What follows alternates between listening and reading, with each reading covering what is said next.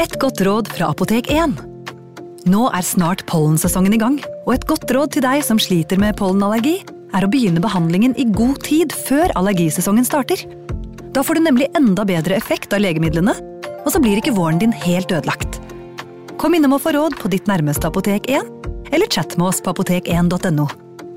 Apotek 1 vår kunnskap, din trygghet.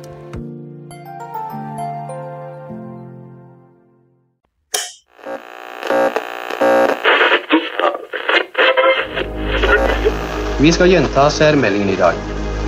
Nummer én Kjerringa er galen. Nummer to På ski over lyng og kvast. Nummer tre Baklengs inn i aftensangen. Baklengs inn i aftensangen.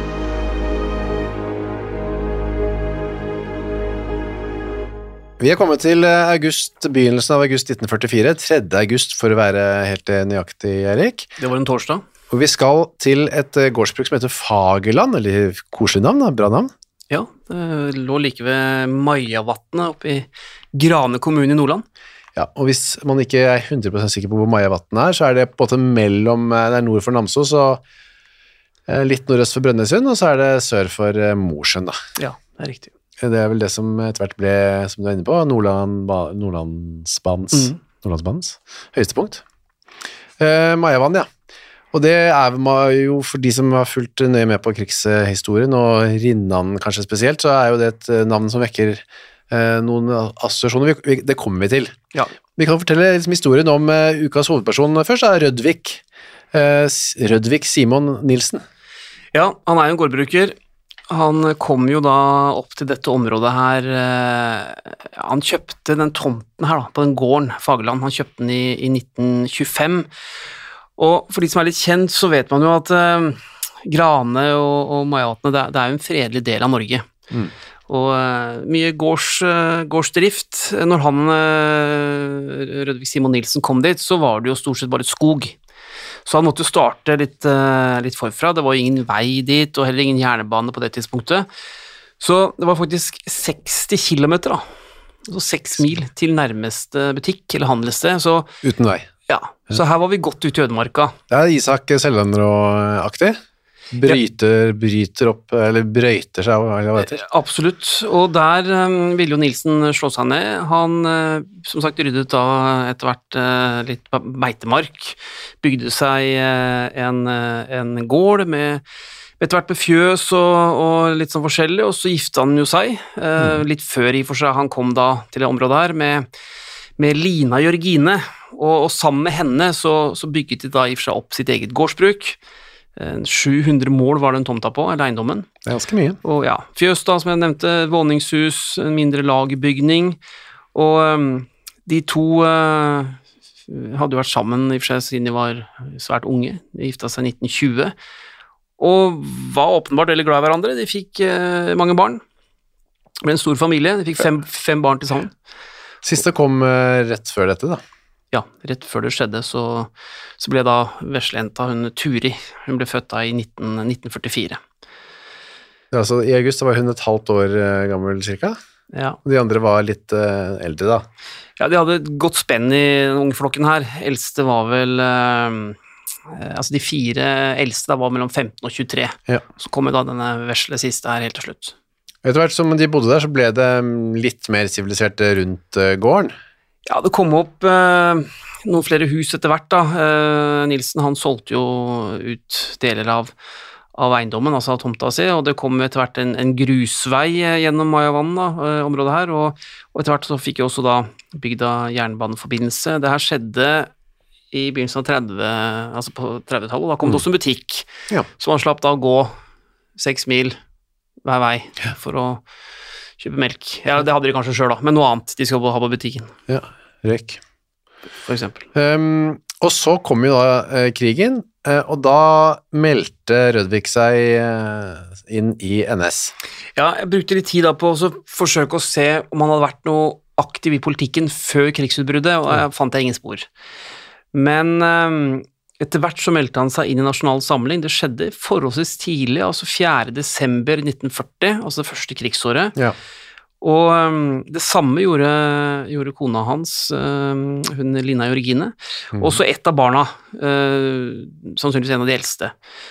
Og øhm, de står oppført som medlemmer, altså NS-medlemmer, men det ser ikke ut til at det politiske engasjementet sånn utafor gården, for å si det sånn, var noe sånn voldsomt. Nei.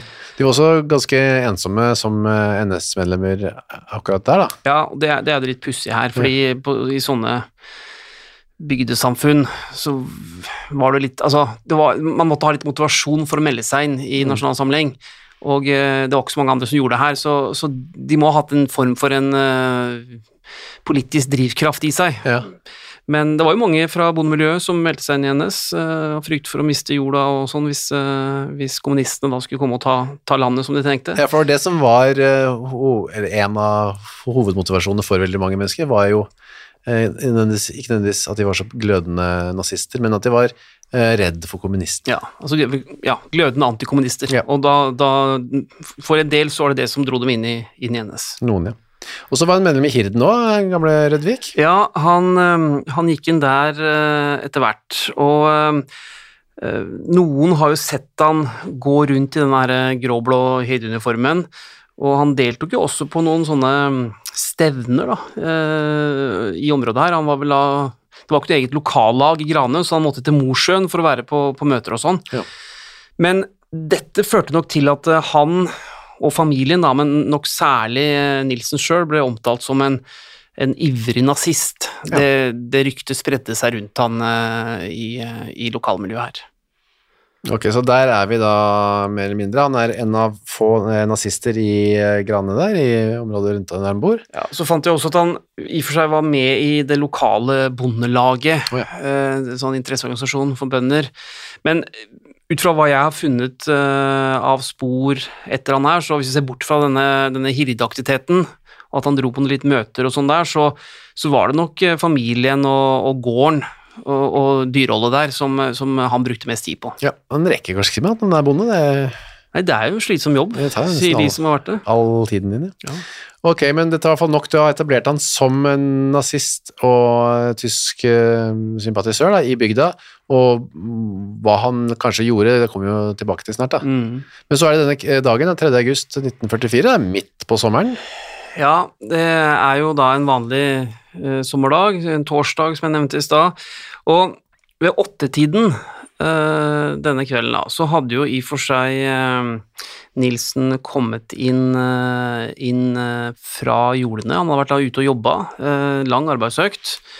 Og eh, Rettvik Simon Nilsen han eh, var jo vant til sånne lange dager. Han var i og for seg 52 år, men det er jo ingen alder, så eh, det veit jo vi. Så, Ja, eh, ingen alder. Nei, nei. Så han, han hadde vært da ute og jobba mange timer. Han, eh, han kom da, da inn. Han gikk inn på kjøkkenet, og eh, ut fra hva familien fortalte, så var det der han var blitt stående litt etter at han kom inn da, eh, fra, fra åkrene.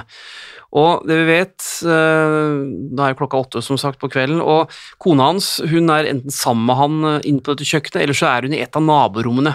Ja.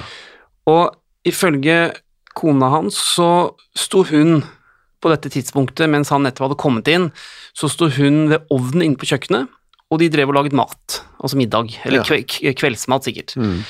Men det er litt ulikt i rapportene her eh, hvor eh, de ulike familiemedlemmene befant seg i det eh, far og ektemann Nilsen kommer inn fra, fra jordene og skal ta kvelden. Men en av sønnene, han som heter Victor, er 15 år, han har gått ut. Ja, han har jo jobb da til å se, se ut i fjøset til, til kyrne. Og så vet vi at hun vesle, hun, eh, hun Turi på seks måneder, hun ligger og sover ute i en sånn, eh, sånn trillevogn ute på, på gårdsplassen utafor fjøset, eller, eller mellom fjøs og våningshus her. Så det er stille og rolig, får vi anta at det er. Det er en vanlig sommerkveld for, Ja. for denne familien. Og så er det da eh, Rødvik Simon Nilsen står og er med en pakke på, ved kjøkkenbordet. Ja, det er jo det familien fortalte, at han hadde, hadde eh, fått da en pakke som var blitt henta på posten eh, på jernbanestasjonen da, litt tidligere på dagen. Det er den her 15-åringen, han, eh, han Viktor, som hadde vært, eh, vært og henta den. Og og den pakken var uh, kommet fra Trondheim. Og på emballasjen så var det limt fast en sånn uh, maskinskrevet lapp der det sto at det var et uh, maskinfirma i Trondheim som, eh, som var avsender. Og det som Nilsen da tror, i det sannsynligvis da, når han står og åpner denne pakka, er at det kan være en, en reservedel som han har bestilt til en traktor som han har på, han har på gården. Ja. Så, øh, så han antar at dette her er da en sånn maskindel som han skal uh, ha bestilt, og så, og så pakker han da opp. Og det blir jo da det siste han gjør. For uh, det er en hyssing som han uh, løsner ut rundt eh, pakken. Og Ja. hva er den hyssingen festet i? Ja, altså inni denne pakken her så ligger det en, en, eh, en håndgranat. Og der er sikringen fjernet, og denne hyssingen du snakker om da er jo festet rundt her, men når denne hyssingen da blir løsnet, så løsner også sikringen, altså, eller, eller denne tennmekanismen til granaten. Den, eh, den eh, løsner, og um, da er det jo bare noen, eh, noen sekunder før den eksploderer i hendene til uh, Rettvik Simon Nilsen. Han, han kan kanskje akkurat ha rukket å pakke og sett Det går noen sekunder, sett hva det er, og så smalt det. Det vet vi Ja, kanskje han skjønte det, eller kanskje den gikk av idet han dro av den hyssingen, det, det får vi aldri vite, men eh, det smeller iallfall uh, kraftig da, i en granat han står og holder i henda. Ja. ja, det blir kraftig, og det ja, blir jo noen grusomme eh, konsekvenser av den eksplosjonen. Ja, ehm, han blir jo drept momentant, eh, denne Rødvig Simon Nilsen, eh, og kroppen hans den blir jo da helt eh, ja, maltraktert av, av splinter. Begge armene de rives jo av kroppen, men som vi snakket om i stad, familien hans, bortsett fra denne guttungen som er ute i fjøset, de står jo rundt ham, eller i nærheten, eller i naborommene. Men eh, de blir også da eh, rammet her, og eh, det vi vet er at minst én av dem da blir frakta til sykehus eh, i Namsos, og det er trolig kona som får de største og mest alvorlige skadene. Men hvis vi leser disse rapportene, da, og det er kanskje det som jeg husker best fra denne saken her, Milorgs egne rapporter, så det som skader eh, kona og muligens også en, en, av, en av døtrene, det er jo ikke splinter. Nei. Det er altså kroppsdeler fra Nilsen som da løsner altså fra kroppen hans og trenger inn i kroppen deres. Altså det kan være fragmenter fra skjelettet eller hva som helst. da. Mm. Men eh, det må jo ha vært en forholdsvis voldsom opplevelse å, å, å leve med resten av livet, Vi får tro det. for de som overlevde. Den eh, som hører dette utenfra, er jo da denne Viktor, 15-åringen. Han løper, eh, kommer løpende inn og ser eh, da faren sin inn på kjøkkenet. Og der er han sammen med mor og søster, som begge er skadet, da. Ja, Han ser også at flere av vindusrutene i, i denne bygningen, eller altså i huset her, er jo da knust, altså blåst ut. Og han ser også, som han fortalte etterpå, at det er en del blod på veggene og oppi taket. Så sannsynligvis det er det jo da fra, fra kroppen til eh, til, ja, til far, til, eller til faren hans, til, til Nilsen, som da har spredd seg uh, i, i um, rommet. Ja, det er jo bare å tenke seg, eller det er kanskje ikke så lett å tenke seg heller, hvordan det, der, eh, hvordan det synet var for uh, unge Viktor. Nei, og Vi kommer litt tilbake til det litt etterpå, men han fortalte jo en del om dette her uh, seinere. Det, det er jo historier som fortsatt gjør inntrykk, det han møtte når han kom, Ja. kom inn i huset der. Og så må vi spole tilbake hvorfor. Vi var jo inne på det, men at man bare var en sånn generell NS-medlem og HID-medlem var ikke grunnen god nok som regel til at man ble likvidert av motstandsbevegelsen. Nei, man har jo da forsøkt å ettergå akkurat den likvidasjonen her eh, i årene etterpå, og også selvfølgelig i eh, eh, Gjennom krigsårene ble det jo gjort en del etterforskning, og det finnes jo også en del dokumentasjon etter Milorg eh, rundt akkurat den likvidasjonen her. Og vi må huske at eh, motstandsbevegelsen i, eh, i Helgelandsområdet var jo blitt ganske hardt ramma et par år tidligere, Mm. i den såkalte Mayavann-affæren. Ja. Og det var jo da en hendelse som førte til at 34 nordmenn ble arrestert og dømt til døden og, og henrettet. Mm. Og grunnen til det var at området da ved Mayavann, det var en, eh, ja, kall det et, et senter da, for innsmugling av våpen, stort sett da fra Storbritannia. eh, og, planen her var jo da å bygge opp en, en stor illegal eh, militærgruppe eller militærorganisasjon, mm. med bl.a. instruktører da fra, fra Kompani Linge som kom fra Storbritannia. Og det man ville bruke denne gruppen til, det var jo å, å sette inn da angrep, aksjoner da mot, eh, mot eh, større eh, tyske anlegg, eller, eller altså den tyske aktiviteten, militære aktiviteten her. Man kunne angripe sambands- og forsyningslinjene mellom Nord-Norge og Sør-Norge. altså Helgeland var jo da et viktig område. Ja, det ville jo dele Norge i to, nærmest. det. Ikke sant. Og um, etter hvert så um, greide da den tyske sikkerhetspolitiet å infiltrere dette nettverket, denne, disse gruppene som bygget seg opp her. Og det gjorde de da med hjelp av uh, infiltratører fra, fra uh, Rinnan-nettverket. Ja, som var der oppe og levde der så i skjul og dekke av å være motstandsfolk, og så fikk de flere og flere måte, kontakter og armene inn i det Ja. illegale nettverket som var der. Da. Det var det, var det som skjedde. Og så begynte jo det, tyske styrker å operere inn i området her, og, og den 6. september da, eh, i 42, altså 1942, Ja. så var det en trefning med noe som het Tangen gård. Der ble tre tyske soldater eh, drept. Så går det en måned, og det ble, det ble innført en eh, unntakstilstand, altså 6. oktober 1942. Man kom også over et større våpenlager i området, her, og da begynte jo også tyskerne for alvor å skjønne hva som, som, eh, som skjedde her. Og så blir det arrestert da en, eh, en rekke nordmenn gjennom de neste, de neste dagene i både Maivann og i, eh, og i Mosjøen. Og, Da dro Rinnan opp, eh, så vidt jeg husker, og var med på mange av disse arrestasjonene. Ja, og da eh, Mange av dem ble dømt til døden, og mange av de her da, som, som ble drept eller mistet livet i eh, Eller som konsekvens av disse dødsdommene, de kom jo da fra Rødtvik eh, Simon Nilsens eget lokalmiljø, altså Ja. fra bygdene rundt der han bodde. Mm. Og da kan nok være at en del begynte å peke mot den ene som var svært aktiv i nazimiljøet da, i Ja. bygda. Fordi det var eh, noen lister de hadde og opererte etter og arresterte, og da regnet man at dette kom fra eh, som tips fra lokale, andre lokale. Da var det ikke så mange å velge mellom måte, som kunne ha tyske sympat tyskersympatier, for å si det sånn. Ja, og det som ble sagt da, var jo at uh, Nilsen hadde vært en av dem som, eller en av de få, som hadde nærmest daglig kontakt med tyskerne.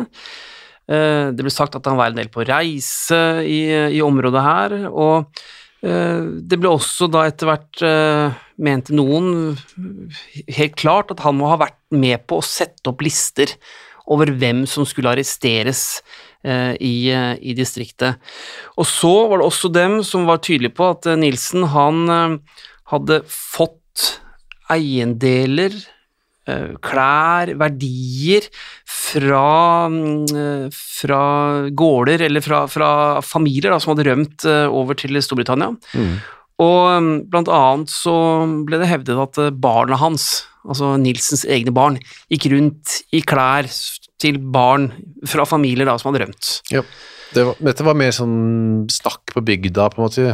Vi har liksom ikke fått verifisert, eller du har ikke fått Nei, jeg- kommer ikke, jeg kommer ikke videre på akkurat de tingene her, annet enn at det er det som rapporten forteller, og det er det som gjorde at man pekte mot Nilsen og mente at han er den som er delvis ansvarlig for, eh, for det som skjedde i Maiwan, og derfor ble man også enige om at Rødvik Simon Nilsen måtte likvideres. Ja, Fordi at det var 24 som ble henrettet, det er jo en av de, det var en av de verste rundene med represalier under krigen. En av de store i hvert fall var det helt sikkert. En av de store, og vi må også huske på at dette skjer av et ganske små bygdesamfunn. Ja. Alle kjenner alle, og det må ha gjort et voldsomt inntrykk på de som var igjen, og selvfølgelig mm, ført til et eh, voldsomt hat mot de ansvarlige. og Mm. Hvis det er slik at Rødvik Simon Nilsen var involvert i det her, og det- tyder jo alt på at i hvert fall Mildorg var ganske sikre på, så er jo det en i og for seg, ut fra hvordan vi har forholdt oss til disse likvidasjonene, en, en, en grei forklaring Ja. på hvorfor han, eh, han ble likvidert, selv om det skjedde på en forholdsvis ja, kall det bestialsk måte, da. Noen av disse likvidasjonene er jo eh, liksom preventive, vi skal forhindre eh, mer eh, framgang for tyskerne, eller motstand mot oss. Andre er mer sånn hevnaktig. dette er vel den siste kategorien. Ja. Men den, eh, ja, det er den, den bærer preg av en, en form for en hevn, men var nok, også, var nok også bekymret for at han skulle gjøre dette på nytt. Ja. Og være med å rulle opp andre motstandsmiljøer som eventuelt fantes i området. Så, så det, det var nok også en medforklaring. Og så var det heller ikke en sånn aksjon som noen bare fant på sånn plutselig. Nei. Dette var visstnok bestemt allerede høsten 1942. Så det tok jo nesten to år da, før han eh, før det ble bestemt at han skulle likvideres, og til han ble drept. Og da var denne metoden eh, med håndgranat man også bestemte seg for, da. Ja, og det, det, det gjør også denne her aksjonen litt spesiell, for det, det skjedde det ikke så mange av. Eh, bruk av sprengstoff har vi bare noen veldig få tilfeller eh, av, og her var det også slik at den ble, ble sendt da, i posten som en, som en bombepakke. Eh, Det ble benyttet eh, en, eh, en britisk Mills-granat i, i denne pakken, og man forsøkte også i for seg å gjøre det samme til en, til en annen person som var sentral i Nasjonal Samlings fylkeslag oppe i Namdalen. Men han, han fikk aldri denne pakken, sånn at den det ble da liggende på, på, på postkontoret og etter hvert oppdaget. Eh, Så, um, så uh, Rødvig Simon Nilsen er jo da den eneste som, som blir drept på denne måten i det området her. Ja. Um, og etter at eh, den ble Altså, han ble drept på den måten, så ble det sendt ut en advarsel fra Nasjonal Samling i Nordland. Ja, det er fylkesføreren som eh, sender ut da en beskjed til samtlige gruppeførere og, og lagledere da i, eh, i Nordland fylke. Og Der ble det jo da fortalt i for seg ganske åpent om denne pakken som da Rødvig Simon Nilsen hadde fått i posten. Og i denne beskjeden, eller meldingen som kommer, så heter det jo at eh, alle nå bør være forsiktige.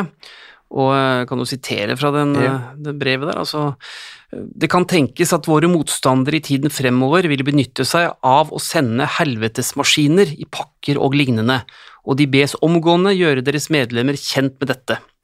Dersom det er det minste mistenkelige ved mottagelsen av en pakke, enten den er kommet gjennom posten eller på annen måte, bør man straks varsle politiet, tysk eller norsk, og ikke åpne pakken selv, men la politiet besørge dette. Ja.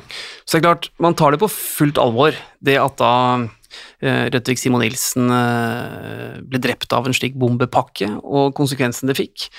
Og igjen så må det jo ha spredt seg en ganske betydelig uro i Nasjonal Samlings lokallag, men sikkert også over hele landet, ved at igjen, da, man var ikke trygg noe sted, Ja. heller ikke på sitt eget kjøkken. Man skulle åpne en pakke man trodde var en del til en traktor.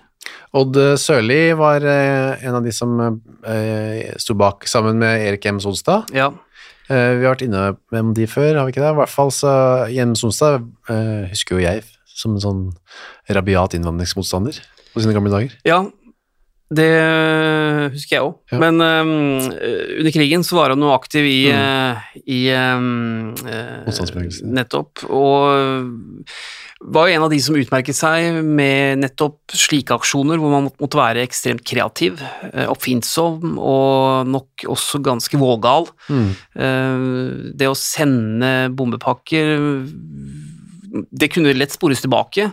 Samtidig så var det jo også høy risiko med å man kunne drepe uskyldige, Ja, postbudet, for eksempel, for eksempel, ja, eller eh, at eh, pakken ble åpnet av feil personer. som fort gjort kan skje. Her var det jo en uh, familie med massevis av unger som ja. syntes sikkert det var spennende med en pakke i posten. Men uh, man valgte å ta den, den risikoen, og her hadde det selvfølgelig vært langt Eller noen vil kanskje kalle dette også en feig aksjon. Det hadde vært eh, langt tryggere å gå inn i huset og drepe eh, Nilsen der inne med skytevåpen, men også en langt høyere risiko. Så sånn sett kan man si at det å sende en bombepakke er, eh, er feigere og har en høyere risiko for at også andre uskyldige kan bli drept. Odd Sørli og Jems Onstad prøvde jo eh, å også sprenge Ivar Granda, som var nestkommanderende til Rinnan. Nå husker jeg ikke når det var, men det var nok før dette her, da. Grunnen til at eh, han ble mistenksom til den pakken, Ivar Grande, var at, som også var med på Mayavann-aksjonen, for øvrig. Han var en av de som var der oppe. Han eh, så at den, han, det han la merke til, var at den hyssingen som eh, pakken var pakket inn med, det var ekte hyssing, og det var visst ikke så vanlig på den tiden. Man hadde sånn substitutt, billig papirhyssing-aktig. Mm. Um, men så de la merke til at denne, det er ekte hyssing, det er det ingen som sender lenger. Og da fikk han tilkalt rinnan, og så så de på det, og så var det en granat. Mm. Og flere av disse her eh, opererte jo i den perioden her fra Sverige, Ja. så det er, det er nok forklaringen på at de også hadde tilgang til, Hyssinge. til ordentlige ting, da. Ja. Eller ordentlige materialer. Ja. Ok, Um, ja, men det, nå, altså, i anførselstegn gikk det jo, altså det gikk jo, aksjonen gikk jo som den skulle på en måte. De drepte jo riktig person, Ja. og familien overlevde jo, Ja. kan man jo si. Mm, fysisk, ja. jeg Fysisk. si. Jeg vet ikke hvordan det gikk med dem, men det kanskje men uh, det var mange reagerte, mange reagerte på denne eh, framgangsmåten. Ja, det fikk jo en del oppmerksomhet. Eh, altså Mange likvidasjoner ser vi jo bli, bli forbigått i stillhet, Mm. nettopp fordi det, det var et poeng at ikke man skulle, skulle gjøre dette kjent. Men, men her var det, var, var det et poeng nettopp å fortelle eh, omverdenen om at man har tatt i bruk en slik metode, og, som det ble omtalt, så ble det jo i og for seg skrevet at det var en altså et attentat mot en fredelig bondefamilie, og det kom jo minneord på trykk i lokalavisene, og um, der het det jo at da familien Nilsen var blitt sitat da, hjemsøkt i sitt hjem av samvittighetsløse og forbryderske engelske og angloamerikanske håndlangere. Ja. Og eh, det ble selvfølgelig også gjort et poeng av at Nilsen og familien da var de eneste som sto i, i eh, nasjonalsamling, men det som man forsøkte å spille på, var jo da naboenes og, og, og resten av lokalbefolkningens um, det reaksjon på at en av uh, ja, deres naboer eller eh, beboere i den samme bygda var blitt drept på denne måten, og at kanskje mange av dem da nettopp ville søke seg inn i Nasjonal Samling. Så det, det spilte man jo på eh, aktivt, men eh, det ser ikke ut til at det hadde noen, noen stor effekt. Jeg har i hvert fall ikke sett noen, noen voldsom økning i medlemstallet for, for NS sympatisører i det distriktet her etterpå. Så var det da gravferd eh, 8. august, da, så gikk ikke så lang tid, eh, 44, i Grane kirke, og da var det sognepresten som talte. Ja, det ble jo sagt da at eh, at uh, Nilsens ettermæle mente man ville da bli preget av at han, det han hadde gjort, var til det beste da for Norge og, og for det norske folk, og han ble også omtalt faktisk da som en, en martyr da av sine, sine partifeller. Og, og sognepresten da i Vefsn, han het Lars Midtbø, han hadde jo i og for seg en, en uh, ja, kan du kalle det en gripende tall da, under, under bisettelsen. Han sa da at eh, det faller ikke en spurv til jorden uten Guds vilje. Og eh, han oppfordret da alle som var til stede i begravelsen, til, eh, til å, å omtale denne, denne, denne lumske måte hvorpå Rødvik Nilsen så plutselig ble revet bort. Ja. Og han formanet da videre til å ikke la de onde få makten, men at man holder fast på denne kjærligheten og, og godheten som, som Jesus Kristus lærer oss. Det ble han sitert på da i, i lokalavisen. Ja, ikke, ikke gå til hevn og represalier. Nei, man skulle heller minnes da, eh, og at det var en, en mening med dette. Og så sang man til slutt en salme som heter Så smile da hvert øye. Ja. Ja, om det var mye å smile av der, det er vanskelig å se for meg i hvert fall. Nei, altså, familien her eh, glemte du ikke dette, og det, det får jo også et etterspill, eh, eller det får en del oppmerksomhet også, også etter, etter frigjøringen da, i Ja. mai 45. Um, ja, for da, en av de tingene som skjer da, var jo at uh, en, han som var ordfører, tidligere ordfører, han sier at uh, han var med å sette opp en sånn liste over framtredende personer. Ja, og der blir det jo pekt på at, um, at Rødvig Simon Nilsen da skal ha vært, uh, vært med på å sette opp, opp lister da over, uh, over uh, kall det motstandsfolk i dette Ja. området. Så, så i, i, i rettsoppgjøret etter krigen så blir, blir, blir han pekt på som en av dem som var med. Det legges ikke frem noen sånn voldsomme beviser, så vidt jeg har uh, kommet over, men, men navnet til Rødvig eh, Nilsen kommer opp igjen Mm. som en da som, som var involvert i Mayavan-affæren, Ja. iallfall indirekte. Som kan støtte opp måte under beslutningen til hjemmefronten. er Milorg der. Ja, men, men selv om dette ble sagt, så la det i og for seg ikke noen sånn demper på familiens, eh, kall det, ønske om å få renvasket eh, da en far og, og en, og en ektemann, og, og, og spillet holdt jo på i mange år. Ja, hun sto fram i 62, hun Lina Jørgine.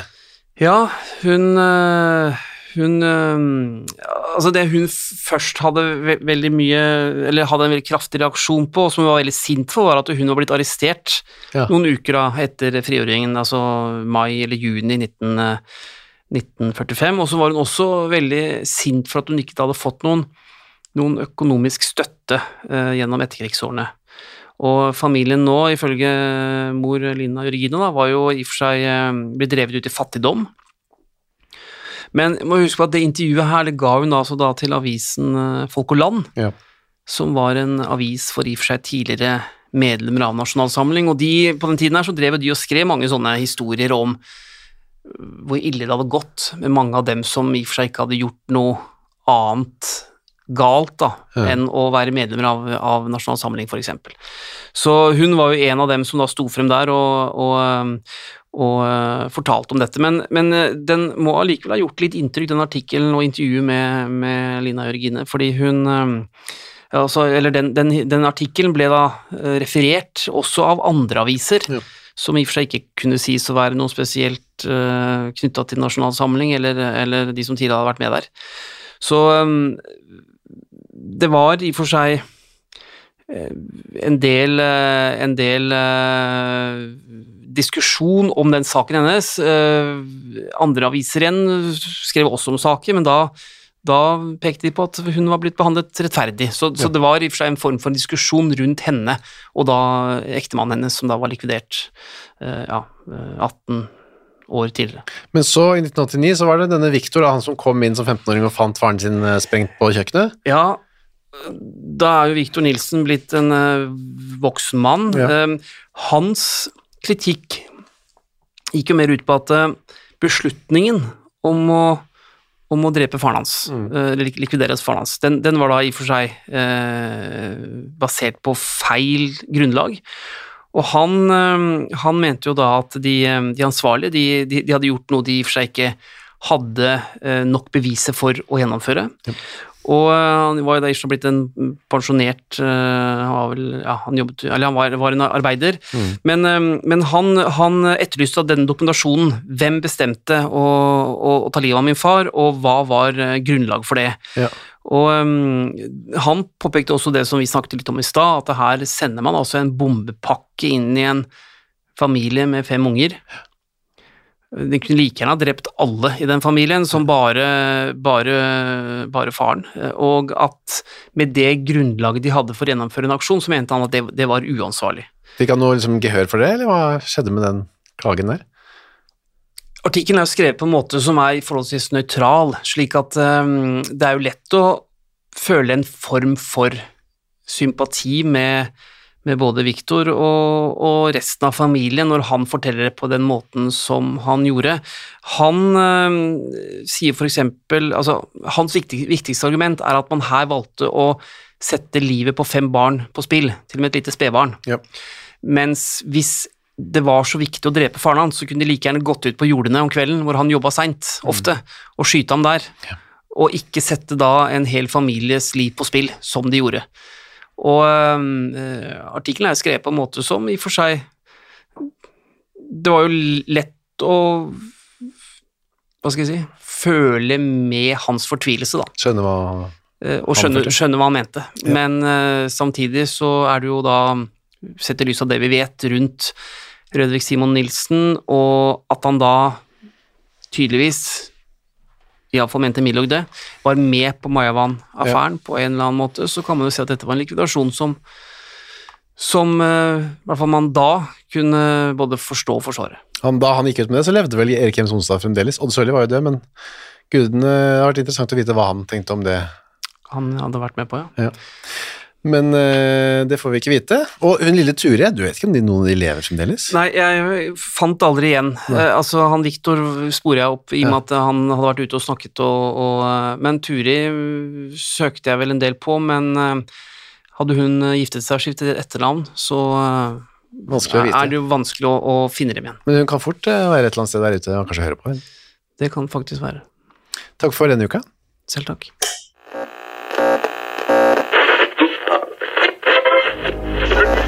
Vi skal gjenta særmeldingen i dag. Nummer én. Kjerringa er galen. Nummer to. På ski over lyng og kvast. Nummer tre. Baklengs inn i aftensangen. Baklengs inn i aftensangen.